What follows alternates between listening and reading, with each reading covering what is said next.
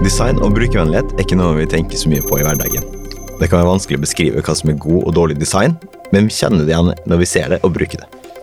Mange vil nok også kjenne den frustrasjonen av å gå inn på en nettside eller en app hvor man ikke finner fram til noe, og alt er et rot. Men hvorfor er dette relevant for finans? I dagens episode skal vi se nærmere på design i finans. Da dagens gjest var liten, så visste han ikke nøyaktig hva han ville bli når han ble stor. Og det er kanskje noe av grunnen til at han har gjort så mye forskjellig. Han har bl.a. jobbet som rådgiver i Gelmyden Kisa. Han har vært kommunikasjonsdirektør i Mercedes-Benz Norge. Han har vært senior manager og ansvarlig for banksektoren i Accenture Song. Og nå er han også CEO og partner i det norskeide designbyrået Bleed. Kristoffer Nøkleby, velkommen hit. Tusen takk. Dette er Finanspuls, en podkast av og for folk i finans. Det er utrolig hyggelig å ha deg her i studio hos oss i Bjørvika. Det er hyggelig å være her. Dette er eh, en episode jeg har gledet meg skikkelig mye til. Eh, fordi det er så sjelden at vi får mulighet til å snakke om eh, design i finanssammenheng. Så jeg lurer på om vi bare hopper rett i det, og starter med det store spørsmålet hva er egentlig design? Ja, det er jo stort, da. men vi kan prøve å gjøre det lite. Det, I kjernen så er det vel foredling, egentlig, av en følelse, et budskap, en tjeneste. Um, det fins forskjellige håndverk innenfor paraplybegrepet design. Og så har design som begrep vært ganske sånn hypet, som det heter, de mm. siste 20 årene, kanskje. Så nå er det jo alle mulige folk som kaller seg designere innenfor alle mulige fagfelt. Men fagdesignere, altså produkt eller tjeneste eller grafisk, er ja, i veldig stor grad foredling av en eller annen idé, følelse, tjeneste, formgivning. Um, dels for å tydeliggjøre kommunikasjon, altså få frem budskap, og dels for å tydeliggjøre navigasjon, altså gjøre en brukeropplevelse enkel. Så det du vil få til, sånn som med digitale tjenester, da, som kanskje er det mest relevante for finansbransjen, så er det én, du vil designe tjenesten på en måte som gjør at hva enn du vil at brukeren din skal gjøre, skal de kunne gjøre så intuitivt og enkelt som mulig. Så kommer det selvfølgelig en etisk dimensjon, du vil ikke forlede noen, ikke sant. Så for denne bransjens del så vil det være en veldig viktig balanse mellom gjøre det enkelt, gjøre det gøy, og det å holde det seriøst, holde det trygt, slik at ikke folk um, blir overmodige med pengene sine. Og så er det det visuelle um, som går på kommunikasjonen. Altså hvordan kan man gjøre akkurat vår merkevare unik? Hvordan kan man sørge for at den banken eller institusjonen eller tjenesten vi representerer, ikke bare har en intuitiv, god tjeneste- og brukerflyt, men også skiller seg ut fra de andre på en positiv måte. Og Der kommer kommunikasjonsdimensjonen. Så det er vel det nærmeste jeg kommer en slags oppsummering av design. da. Mm i denne sammenhengen. Og du, du, nevner jo veldig mange ulike typer design, men hvorfor skal man eh, tenke design? Nei, altså hvorfor skal man lage gode tjenester for folk? Det er jo, det er jo for at folk skal få en god tjeneste som de vil bruke. Og du som kommersiell aktør, som står bak tjenesten, vil gjerne at disse folkene skal bli dine kunder. Så det er som all annen såkalt kundeorientert forretningsutvikling. Du må tenke hva er viktig for kunden, hva er bra for kunden, og hvor er det vi finner en match mellom det og inntekter og gode marginer for oss. Mm. Og design er Særlig nå som det meste skjer digitalt, så er design kanskje det viktigste eh, fagfeltet, eller det viktigste paraplybegrepet for noen fagfelt, for å oppnå det. Så det er digitaliseringen i veldig stor grad som har gjort design så utrolig mye viktigere, i hvert fall i økonomenes eh, hoder, eh, de siste 20 årene, enn det har vært tidligere. Ja, for det har jo fått større og større plass, egentlig. Um, og vi skal komme litt mer inn på det, for vi tenker også sånn i forhold til uh, hvilke forventninger folk har, spesielt med inntoget av fintecher og den type ting. Hva slags forventninger folk har til design nå. Men det skal vi komme tilbake til. Men jeg har lyst til å snakke litt om Bleed. Ja. Uh, fordi um, dere har jo da uh, blant annet jobbet med ulike finansaktører. Eh, Det er da Abler Nordic, for eksempel, men kanskje enda bedre kjent er jo arbeidet dere gjorde med S-banken, altså tidligere eh, Mm. Hva fokuserte dere på i den prosessen eh, der? Ja, altså Fokuset fra vår side var jo hva er kjernen i Skandiabanken? Altså hvorfor ble dette over Da dette påbegynte da, i over en, litt over mer enn 15 år, altså hvorfor ble Skandiabanken best likte forbrukerbanken i Norge? Og så var det da Bakteppet var jo at eh, Skandia-konsernet solgte banken til et eh, fond, i hvert fall finansielle eiere. Og de fikk med seg alt bortsett fra navnet. Og når du har Norges mest populære bank, og navnet er jo ambassadøren eller kroken eller symbolet ikke sant, på, på den helheten, så det er jo kjempeviktig at man klarer å overføre den kjennskapen og den preference på engelsk som Skandiabanken som navn hadde. Så eh, bakgrunnen var det. Eh, Norges mest populære bank måtte endre navn. Og da tenkte vi at det er en gyllen anledning til å forbedre og forsterke det som allerede var bra, og som vi visste at kundene allerede elsket ved Skandiabanken. Så først så lagde vi en merkevarestrategi hvor vi da vil kartlegge sånn, hvem skal du nå, hva skal, hvilken følelse skal de få, hva, hva liker folk ved banken, hva liker de ikke, eh, sammenligne med konkurrenter osv. Og så gjorde vi en eh, navneprosess hvor både team fra oss og et kundeteam, men også den bredere organisasjonen hos kunden var involvert i å komme opp med navneforslag. Og så var da det strategiske var hva handler Skandiabanken om? Jo, det er forenkling. Dette var den første heldigitale norske banken, og det var en revolusjon da det kom i 2000, eller hva det var. Eh, og hvordan kan vi på en måte dyrke den forenklingen i en mer moden digital eh, verden? Så navnet, ikke sant, som du vel kanskje egentlig ikke hadde lyst til å endre, eh, sånn, sånn rent forbrukermessig, så var det noen som kom opp med forslaget S-banken. Og så var det sånn, ok, det er juridisk langt nok fra det opprinnelige til at det funker, men det er intuitivt nærme nok til at folk kan forstå den endringen, uten at det på en måte er en sånn, å, vi skal hete noe helt annet. Eh, og det passer som hånd i hanske i den ideen om forenkling. Altså det er en metafor på dette med forenkling. Og så benyttet man da anledningen til å gjøre et fullstendig redesign av det visuelle, inkludert av et redesign av tjenesten, liksom, brukeropplevelsen, eh, alt det visuelle på alle kontaktpunkter osv. Eh, som da ble det caset, S-banken. Så det var rett og slett uh, Ofte så er jo merkevarebygging eller sånne fullstendige rebrandinger handler jo om det er et eller annet som ikke sitter ordentlig. Vi må endre noe dramatisk for å få bort fokus fra noe vi ikke vil ha fokus på, og fornye oss. Mens her var det jo da dette er allerede bra, men la oss benytte anledningen til å forsterke kjernen ytterligere da, i kommunikasjonen. Og det var fryktelig vellykket. Um, De var tilbake på den historiske kjennskapen i løpet av en liten stund siden, men jeg tror det var på 18 måneder, hvilket var vurdert som superbra. Ja. Og så er det dette med det visuelle designet og følelsen man får av å se på det. Og slike ting lages jo i Altså man må ta hensyn til trendbildet, ikke sant? altså tidsånden, men man vil samtidig lage noe som står seg over tid. Og, og S-banken er for meg et veldig sånn godt eksempel på vår, vår streben etter alltid å skape noe som er relevant for sektor, relevant for tidsånd, relevant for bransjen, men som skiller seg ut på en positiv måte attpåtil noe som klarer å stå seg over tid. Så du, du må ikke gå i fella og bli for trendy, for da ser det teit ut tre år senere. Og S-banken opplever jeg at det var superfresht da det kom. Helt sånn ledende i Bank i Norge. Og nå er det vel fire-fem år siden lansering, og det står som en påle fremdeles visuelt. Det er veldig få stilige, nye, trendy ting som står som en påle fire-fem år senere. Så det er et eh, case vi er veldig stolt av. Eh, Og du nevner jo at man må være relevant for bransjen.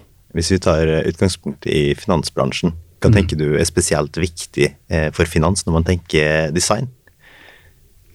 Eh, altså som alle bransjer som folk må ha tillit til. Altså alle, alle bransjer og aktører som er vik, sånn genuint viktige for folk, lever, uh, lever på tillit og soliditet. Men oppå den tilliten og soliditeten så er spørsmålet hvem klarer å gjøre noe engasjerende? Hvem klarer å være fremstå lettbent, snakke på mine betingelser osv. Og, og bankbransjen har jo historisk vært noe av det viktigste vi har i livene våre. Um, og det har man da uttrykt også i det visuelle med å være veldig konservative og solide. Og så har det vært en makrotrend globalt de siste det er vel sikkert 30 årene, hvor såkalte B2B, altså bedriftsmarkedet, aktører, og B2C, altså konsumentmarkedaktører, måten de kommuniserer og hva de tillater seg visuelt og i markedsføring osv., har smeltet mer og mer sammen. Um, og det, det, tror jeg er den større trenden med at uh, hva er jobb og hva er fritid? Dette har jo vært ting som har blitt mindre og mindre adskilt for veldig mange yrker i mange tiår. Og forsterket dramatisk av uh, internett, basically. Fordi sånn rent teknisk så kan du jobbe fra hvor du vil. Nå er det generelt slik at mennesker søker dit mennesker er, og nå ser vi at bedrifter flytter inn til sentrum i enda større grad enn de gjorde før, før um, koronaen. Men, men, men, du kan, hvis du må, gjøre hva som helst. Hvor som helst.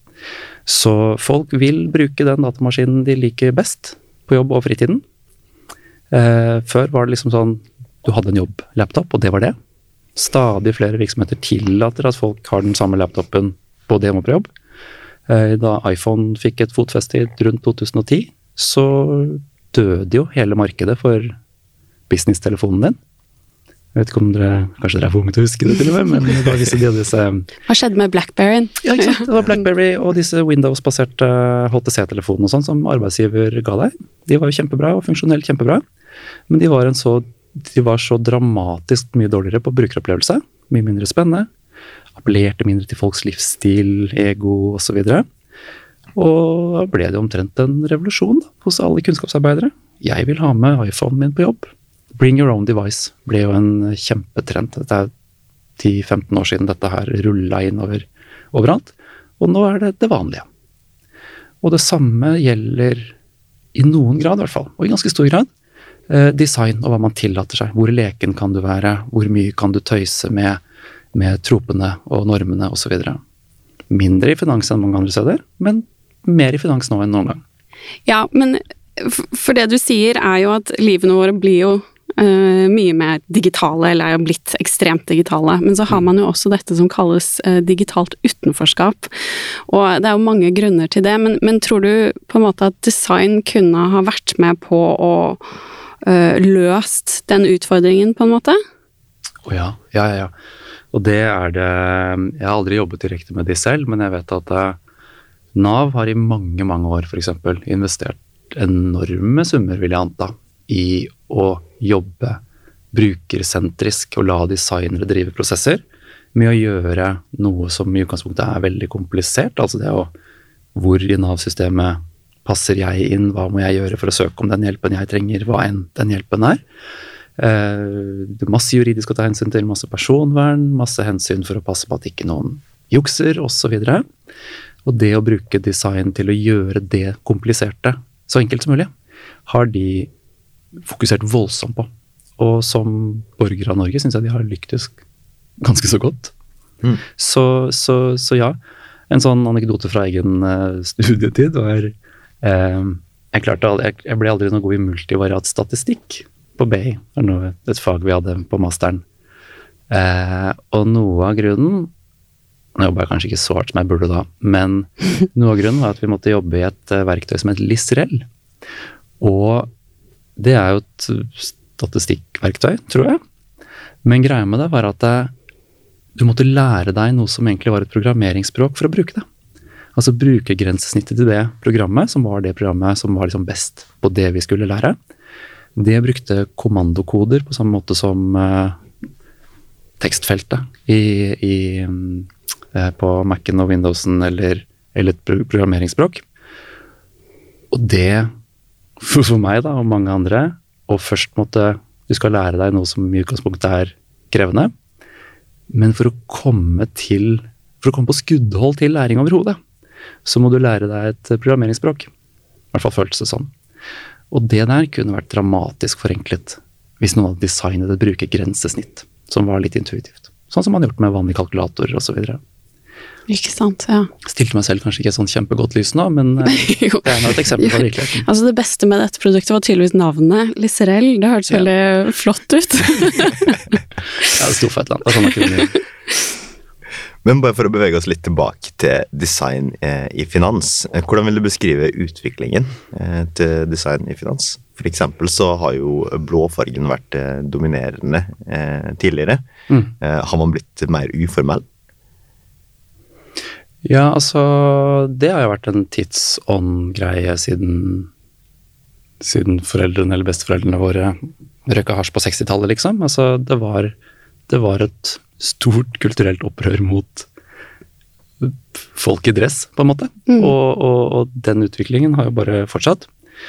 Og så finnes det selvfølgelig samfunnsdebattanter som mener at eh, vi er stadig mer konforme blitt eh, i normer osv. i samfunnet i dag, men når det kommer til det visuelle, så har utviklingen bare fortsatt. Du kan på en måte gjøre hva du vil da, ikke sant.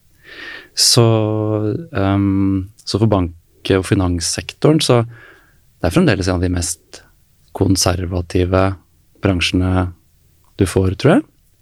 Men, men det er jo også en Bank er viktig for folk. Og bank er viktig for folk som forbrukere. Så banker tillater seg, eller de fokuserer åpenbart mer på design enn mange andre tradisjonelt konservative bransjer. Som kanskje ikke trenger å utvikle seg på samme måte. Så Nei, altså bankene må bevare soliditeten og tryggheten. Eh, det var jo masse raringer som mente at eh, kryptovaluta kom til å gjøre bankene eh, avleggs, ikke sant, for ti år siden. Nå har de jo mista både penger og Lamborghinier, mange av dem. så, så, så, så, bankene har fremdeles en uhyre viktig rolle som jeg tror man ikke skal tøyse vekk med eh, for morsomt design. Altså ikke gå i liksom, gamification-fella når du skal hjelpe folk med spareprodukter.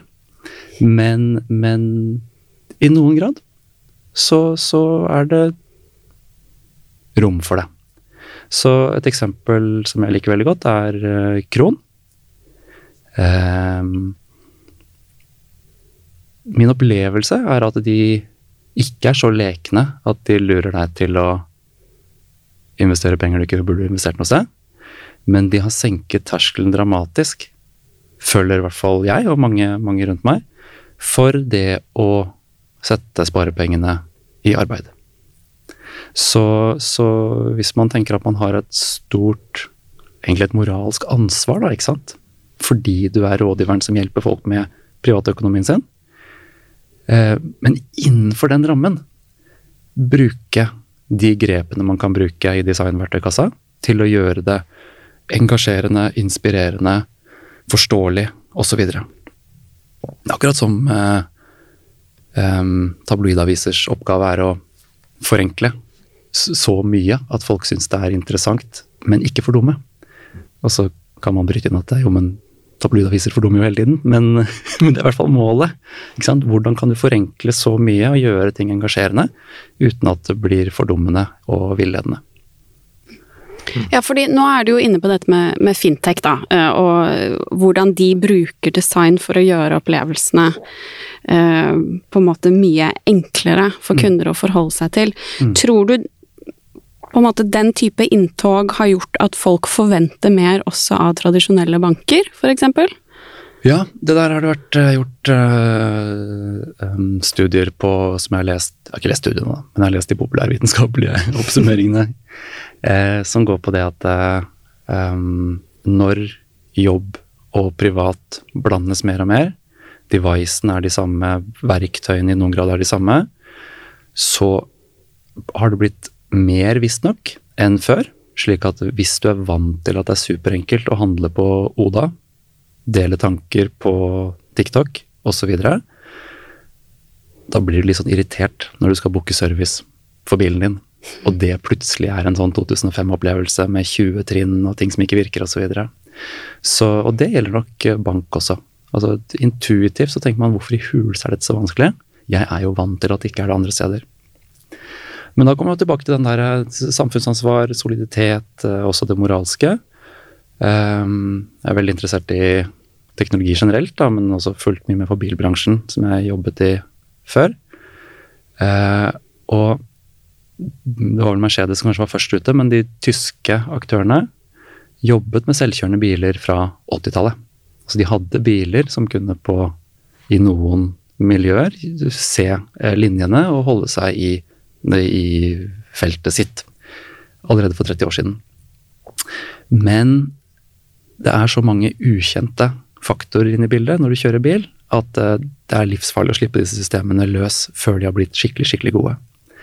Og da en karismatisk fyr fra Sør-Afrika som jobba i Silicon Valley, sa at eh, dette fikser vi på to år, så tenkte, etter hva jeg forstår og hva jeg har lest, tenkte disse etablerte aktørene at nei, det kan du bare glemme, det går ikke an, det er jo er ikke der i det hele tatt. Men Silicon Valley har bygd mye av sitt etos på det å love veldig mye mer enn hva de kan levere på kort sikt. Og så har de jobbet som et uvær for å få det til på kort nok sikt til at de slipper unna med det. Og det har jo brakt verden videre på noen måter. Men man ser også da eksempler fra helsevesen og bil osv. at det, nei, det var ikke alt som lot seg gjøre. Mm. Nå husker jeg ikke hvor jeg skulle med det. Nei, men det var jo liksom hvilke forventninger folk har, da. Jo, ikke sant? At man er blitt eh, Ikke bortskjemt, men at ting er Eh, F.eks. i fintech-verden så er jo brukervennlighet fokuset, og kanskje utgangspunktet også. Ja. Eh, og det er ikke nødvendigvis sånn for den mer etablerte finansnæringen. Og der, der var poenget mitt. Der var poenget. Det er, det er Hvis du tar en utfordrerrolle i en sektor, så slipper du unna med å love mer enn du slipper unna med hvis du er etablert. Ja. Så eh, de store bilaktørenes utfordring var at de måtte møte Tesla på, på kommunikasjon, på ambisjoner, på denne vridningen mot å bli mer et teknologiselskap eller et IT-selskap, da, mer enn et, um, et fysisk produktselskap. Men samtidig så hadde de mange, mange tiår med troverdighet å bevare. Så de kan ikke gå like hardt ut. Og da blir det samme som og det var langt resonnement for å komme til poenget, men det blir det samme med fintech versus etablerte banker. At eh, fintech-aktørene er stort sett fokuserte på en eller annen liten nisje, en liten tjeneste, og den kan de optimalisere. Og de kan tillate seg å være tøffe i trynet og mer lekne. Og de store bankene må da klare å møte dem tilstrekkelig til at de henger med i tiden og kan by på en god opplevelse, de også. Men uten å gå så langt at de rokker ved det solide fundamentet som de har. Og det er den etablerte aktørens evige utfordring. Ja, ikke sant. Men finansnæringen er jo også stor og består av mange komponenter, ikke kun banker f.eks. Mm. Men tenker du at det er deler av finansnæringen hvor dette med design ikke er så viktig? Nei, altså Når vi bruker eh, en sånn bred definisjon av design som sier at det er å foredle og forbedre prosesser, tjenester, produkter, så kan man jo bare ta en syretest. da. Bare peke på en eller annen funksjon og si hadde det vært kjekt å foredle, forbedre denne prosessen? Svaret er jo stort sett alltid ja. Så det å lage den kuleste logoen er mindre relevant noen steder enn andre ofte mer relevant enn man skulle tro, fordi du har tross alt noen målgrupper. Det kan være potensielle kunder som ikke kjenner deg fra før, som du trenger å bygge en gjenkjennelighet hos. Det kan være potensielle medarbeidere som du trenger å vise at du følger med tiden og er et spennende sted å jobbe. Men, men det, det, er forskjellige grader av. Men det å bruke design som tankesett er relevant alle steder jeg har snudd meg og sett. Mm. Men hvis det er én ting du skulle pekt på og skulle ønske at eh, finansbransjen var bedre på eh, innen design, hva hadde det vært? Ja, det er så lett å bare Nei, det det er ikke konsistente nok brukeropplevelser i nettbanken eller et eller annet sånt, men, men jeg har jo dessverre jobbet nok med finanssektoren til å vite hvor komplisert det er. Så det er litt sånn eh, Det blir litt sånn eh, fordummende og Eller forenklet å peke på enkeltting, men, men det å fortsette å jobbe med å skape gode, intuitive brukeropplevelser uten å falle for fristelsen å dytte folk i ja, jeg liker begrepet moral, da, i umoralske retninger, tror jeg er superviktig. Og det å klare å være bevisst på at vi står i den litt vonde spagaten, at vi må matche startupene, fintechene, de spennende aktørene i andre bransjer. Vi må matche dem i noen grad på tone, utseende, trinn i brukerreise osv. Men vi må klare å gjøre det uten å røske ved det fundamentet som er samfunnsoppdraget, ekstremt viktige rollen i folks liv osv. Altså, finansinstitusjoner er jo stort sett noe folk møter i viktige milepæler i livet. På godt og vondt. Eh, og det må man aldri glemme. Ja, det er, det er, jo krevende, det du beskriver, å stå i den spagaten. Men, men hvis man er eh, ung og på vei inn i finansnæringen, eller man driver med design og syns konseptet rundt design innenfor finans virker spennende, mm. har du noen tips til disse folkene? Eh, altså, mitt eneste tips til folk er bare være nysgjerrig og les masse. Møt folk. Um, sett deg inn i ting som ikke har direkte å gjøre med jobben din, men alt mulig rundt også. Så selv så liker jeg bare å møte forskjellige folk og snakke om forskjellige innganger til både faget mitt og egentlig alt mulig annet rart. Leser veldig mye forskjellig. Um, jeg tror det å grunnleggende forstå dette begrepet AI og hva det kan gjøre og hva det ikke kan gjøre, tror jeg er kjempeviktig. Prøver å ta egen medisin der, så jeg driver og leser en, en bok nå skrevet Jeg husker ikke hva han heter, Gerd et eller annet, er en tysker som har vært leder for Max Planck-instituttet. Og han har skrevet en bok som heter How to Stay Smart in a Smart World. Mm. Der han går i dybden nok, men ikke så mye at jeg i hvert fall ikke jeg faller av, Eh, beskriver um, historisk, altså hva var en computer, hvorfor bruker man metaforer mellom den menneskelige hjernen og maskiner, hvordan har disse tingene påvirket hverandre de siste to, 250 årene, og så inn på hva er det disse AI-systemene er basert på. Du har maskinlæring, og så har du psykologisk AI, du har forskjellige liksom, måter å gjøre det på. Hva er styrkene, hva er svakhetene? Og nå leser jeg konklusjonen før jeg leser resten av boka, det er en tredjedel på vei, men konklusjonen hans er at det er i såkalte stabile eh, miljøer, der du kanskje har masse ukjente faktorer, men du vet, du vet det er kjente ukjente, som det kalles, der vil disse AI-systemene ta over. Altså der, der bør beslutninger outsources til kunstig intelligens eh, eller automatiserte beslutningstakningsroboter. Men der det er mange ukjente. Altså, du vet ikke hva som kan dukke opp. Der er fremdeles uh, mennesket mye bedre. Fordi hjernen vår er evolvert gjennom milliarder av år til å leve med usikkerhet. Relatere oss til usikkerhet. Så ja, bare vær innmari nysgjerrig. Bra tips. Veldig bra. Og nå er vi litt inne på det her med AI, altså KI, kunstig intelligens. Eh, Syns du at det er ødeleggende, eller er det et fantastisk verktøy i designfaget? Um, ja, altså som sånn halvkreativ person selv, da, som har liksom fått tilbakemelding opp gjennom at jeg skriver OK og sånn, så har det liksom vært sånn Oi, dette er dødsgøy, men er det også, er det også, er det også skummelt ikke sant? For, mm. for, profesjonen og min verdi? Eh, og etter å ha liksom nå har jeg brukt disse verktøyene en god del på fritiden for å liksom utforske og lest mye og diskutert og sånn. Så mistenker jeg at det er, i hvert fall på kort og mellomlang sikt, litt sånn som da Google kom. Da var det sånn Kunnskap var ikke lenger like verdifullt som det var før, fordi alt var tilgjengelig på internett.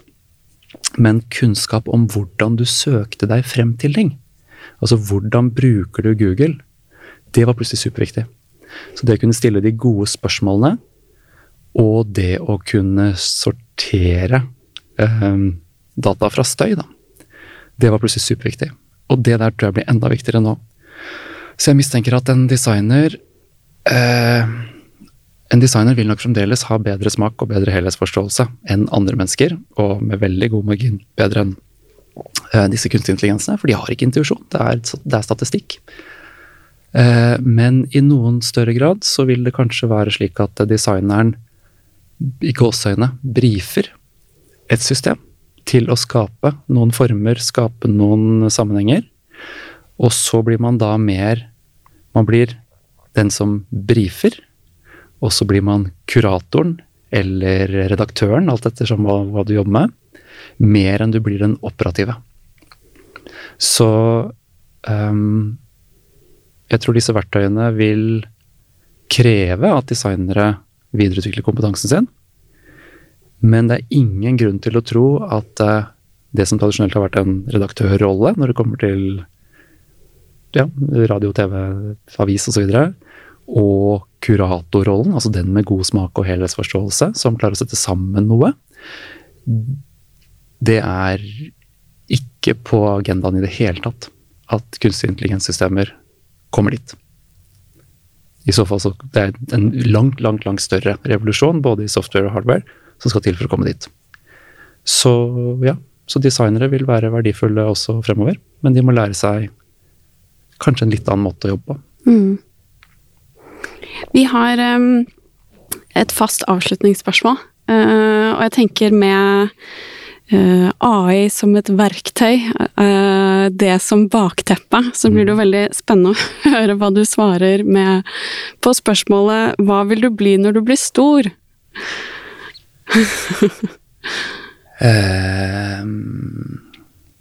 Nei, altså Jeg husker da jeg studerte, så var Og drømmen var å bli så så smart og så belest og så erfaren at folk ville betale meg en anstendig årslønn for å bare sitte på kafé, gå tur, sitte i møterom og være sparringspartner for folk.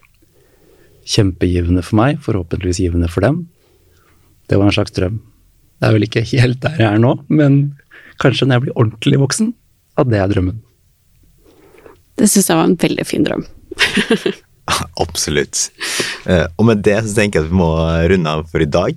Eh, Tusen takk for at du tok deg tida til å være med oss i studio i dag. Selv takk. Så takk for i dag. Takk for i dag. Takk for i dag. Finanspuls, en podkast av og for folk i finans.